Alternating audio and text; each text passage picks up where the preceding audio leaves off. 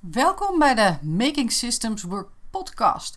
En deze keer geen aflevering met een uh, interview met een onderneemster, maar een topic waar ik al heel lang eigenlijk, maar ja, last van heb is een groot woord. Maar wat ik in ieder geval uh, observeer en waarvan ik denk dat er iets aan moet gebeuren.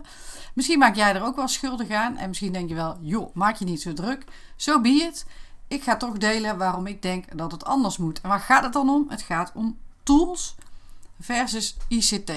Ik zie tools als losse dingen en mensen gaan aan op tools, willen weten wat een tool kan, wat de beste tool is voor um, een bepaalde toepassing, zonder dat ze het geheel meenemen. En ik denk dat je daarmee jezelf altijd in de vingers snijdt. Als jij nou, laat ik een heel praktisch voorbeeld nemen. Stel nou, jij wilt uh, uh, op een bepaalde dag wil je naar een, uh, een seminar in Arnhem, ik zeg maar iets. En je denkt, ik heb hier een ongelooflijk gave fiets. Ik ga, ehm, ik wil die fiets hebben. En het is misschien een beetje een raar voorbeeld, maar dan ga je met die fiets naar Arnhem. Nou is dat natuurlijk helemaal geen probleem als jij in Arnhem woont of omstreken. Maar als je in Maastricht woont, is dat best onhandig, tenzij je heel erg van fietsen houdt. Maar dan heb je dus helemaal niks aan die shiny, aan dat shiny object. Je hebt wel een fantastisch, fantastisch mooie fiets. Het is een heel klein beetje overdreven, uiteraard, maar daar hou ik wel van. En um, wat ik ermee wil zeggen is dat je eigenlijk altijd, net als dat je in je hele business doet, moet gaan kijken naar, nou ja, moet, je moet natuurlijk op zich al helemaal niks, maar mijn advies is dat je gaat kijken naar wat is nou eigenlijk mijn business? Wat wil ik bereiken? In feite gewoon alles wat je met je marketing doet, wat je met een business coach allemaal doet. Waar wil je naartoe? Wat zijn je doelen? Welke mensen heb je daarvoor nodig?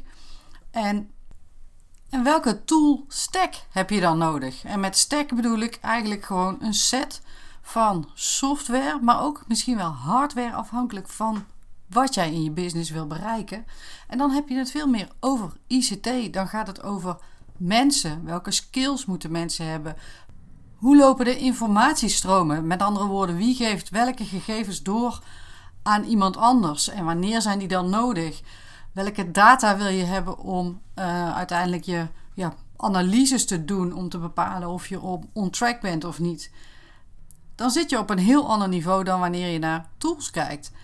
Als iemand mij vraagt wat is nou de beste e-mail marketing tool, dan kan ik natuurlijk zeggen, um, ik denk Active Campaign. Maar het zou in jouw geval ook Enormail kunnen zijn of La Posta. Het hangt maar net af van wat je doelen zijn en wat het doel is van de software die je gaat kiezen. Daar komt bij dat software nooit op zichzelf staat. Eén pakket heeft tegenwoordig bijna altijd interactie met andere pakketten, integraties, koppelingen, eh, data die van eh, A naar B moeten of dat er een onderliggende databank is, database is waar je uit gezamenlijke database. Dus het is niet los van elkaar te zien. En daarom is vind ik tool ook minder geschikt als term. En ondanks dat ik het nog wel gebruik, probeer ik zoveel mogelijk over te stappen naar software. Niet dat het woord software nou zoveel zegt, want het zegt gewoon zachte waren. Nou ja, dat is natuurlijk een meest eh, onzinnige term die je ooit bedacht kan hebben. Maar als tegenhanger van de hardware, wat natuurlijk je computer is of je apparaat in ieder geval. Mijn pleidooi is dus eigenlijk dat je niet naar tools kijkt en zelfs niet naar software als losse entiteiten binnen jouw uh, ja, stukjes van jouw, onder, van jouw uh, onderneming. Dus je hebt iets voor sales, je hebt iets voor marketing, je hebt iets voor uh, customer support. Nee, zie het nou eens als een, een compleet geïntegreerd geheel. Een, wat ik noem een soort landschap waarin allerlei stukken software en hardware ook wel misschien hun plekje krijgen. En als je zorgt dat dat in onderlinge uh, harmonie samenwerkt, dan is het, het fundament, um, het technisch fundament, laat ik het zo zeggen, van jouw business is echt veel steviger. En van daaruit kun je dan ook zorgen dat de mensen die de business draaiende houden, of je dat nou alleen bent, of je hebt één of twee of tien teamleden, dat je daarmee veel betere resultaten kan halen en veel meer rust kan creëren, zodat je relaxed kan ondernemen. Processen kan je dus ook niet loszien van software en van mensen. Althans, dat vind ik. Het is één, ja, mm, ecosysteem, zeg maar. En dat ecosysteem heet dan jouw bedrijf. En sommige mensen die uh, zitten permanent in die business, die zijn onderdeel van jouw team. En sommige mensen die huur je in als expert. En als jij experts inhuurt, dan geef je input aan die expert. Want ja, wat moet, uh, hoe moet hij anders weten wat hij moet doen? Of dat nou een webbouwer is of iemand die advertenties voor je maakt. In principe kan je die niet uh, het bos insturen, zeg maar. En aan de andere kant gaat die persoon gegevens aan jou teruggeven. Ik zie in feite alles als gegevens. Je kunt wel zeggen het is een plaatje, maar een plaatje is ook data. Het is iets. Um, dus je, krijgt, je geeft input en je krijgt output terug. En misschien zitten daar nog allerlei overlegmomenten tussen waarvan je zegt, ja, ik moet het uh, fine-tunen. Dat maakt op zich niet zoveel uit. Maar terwijl je de inhoud, daar wil je zelf de regie over hebben. Maar hoe, dus in, in welke vorm die communicatie over en weer gaat, daar wordt heel weinig, relatief heel weinig aandacht aan besteed in de meeste online bedrijven. Terwijl daar wel heel veel, um, ja, gedoe is niet helemaal het goede woord, maar er kan wel heel veel werk uit voortkomen. Want stel, je hebt iemand die maakt afbeeldingen voor jouw social media posts. En die persoon die is daar super, super goed in. Je hebt er afgestemd over wat je wil, wanneer je het wil en hoeveel. En die persoon die zegt, nou weet je, ik stuur het je wel via WeTransfer.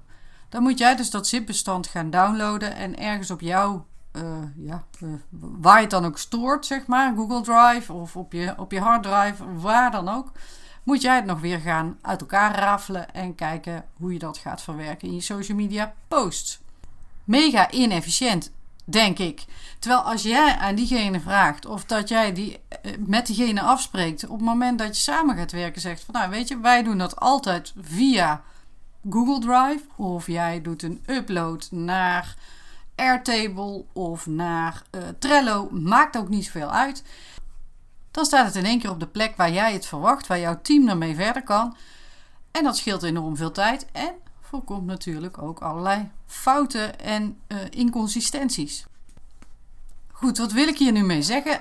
Als je dat hele proces van uh, het creëren van social media posts, vanaf het idee tot en met de, de afbeeldingen en de, de teksten en het uh, plannen of publiceren, als je dat meeneemt, dan zie je ook dat uh, er overdracht plaats moet vinden van informatie, van gegevens, van bestanden en kun je daarin ingrijpen en zeggen: wacht even, maar we doen het nu zo via bijvoorbeeld dat WeTransfer. Maar eigenlijk is het helemaal niet handig, want het is een soort van disruption van onze workflow binnen ons bedrijf. Dus we gaan die uh, persoon uh, inderdaad op een andere manier aansturen.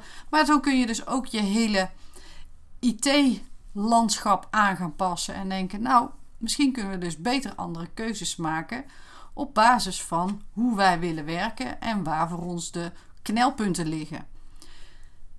Dus het gaat om de mensen, de informatie en de techniek die daaronder ligt. En techniek is zeker niet leidend, techniek moet volgend zijn, maar ik vind wel dat je goed moet nadenken uh, wat die IT dan moet volgen. En dat is eigenlijk mijn pleidooi in deze podcast. Um, ik vind het een, een totaal volledig onbelicht onderwerp. En daarom zal ik er nog wel wat meer over delen op, op andere momenten. Want eigenlijk heb je ehm, marketing in je business, sales.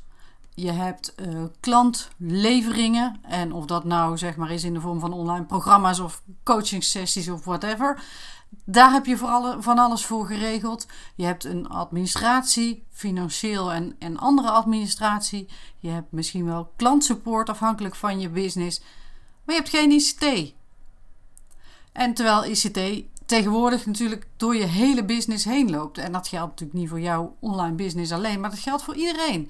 En toch is het uh, nog steeds in de vorm van tools en tooltjes dat we daar uh, over praten. En ik denk dat, dat, dat, het tijd is dat we dat een, uh, ook een volwassen onderdeel maken van alle online businesses.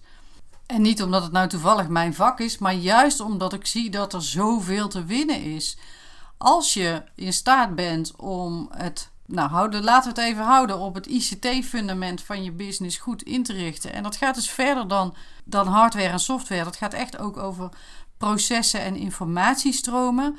Dan kunnen de mensen beter, gemakkelijker, fijner hun werk doen, waardoor jouw resultaten een stuk beter worden als bedrijf, als ondernemer.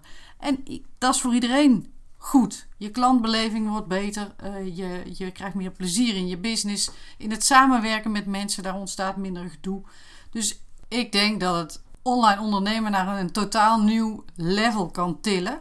En ik denk zelfs dat op het moment dat je net start, dat je dan ook zij het misschien op een ander en wat minder geavanceerd niveau op deze manier je business in elkaar zet, dat je dan daar uiteindelijk heel veel profijt van hebt als je wil groeien, omdat het groeien zoveel gemakkelijker gaat en je veel beter weet waar je op kan letten. En natuurlijk moet de focus in het begin liggen op klanten binnenhalen, sales en omzet draaien. Maar, maar als je pas als je groter bent gaat nadenken over een goed ICT-fundament, dan is het veel ingewikkelder en veel lastiger om het goed voor elkaar te krijgen. Terwijl als dat gewoon in je DNA, in je genen is ingebakken inmiddels, dan, uh, dan gaat het nou bijna als vanzelf. Dankjewel voor het luisteren als je nu nog aan het luisteren bent. Ik hoop dat je hier, nou ja, in ieder geval door aan het denken gezet wordt. En ik hoor ook ontzettend graag wat, wat het bij jou opgeroepen heeft en of je het ermee eens bent of niet. Je kunt me een eh, DM sturen uh, op LinkedIn of op Instagram. Ik ben ontzettend benieuwd naar je mening en ik geef je sowieso een reactie terug als jij de moeite neemt uh, om naar mij iets te sturen. En als je denkt, hey, dit was super interessant en je wil een review achterlaten, geef me dan even 5 sterren op YouTube. Nee, YouTube is niet het goede. Spotify of iTunes. Dan kan deze podcast weer beter gevonden worden en kan ik weer meer afleveringen maken. Voor nu, dankjewel voor het luisteren. Fijne avond, middag, nacht, ochtend, whatever. En tot een volgende aflevering.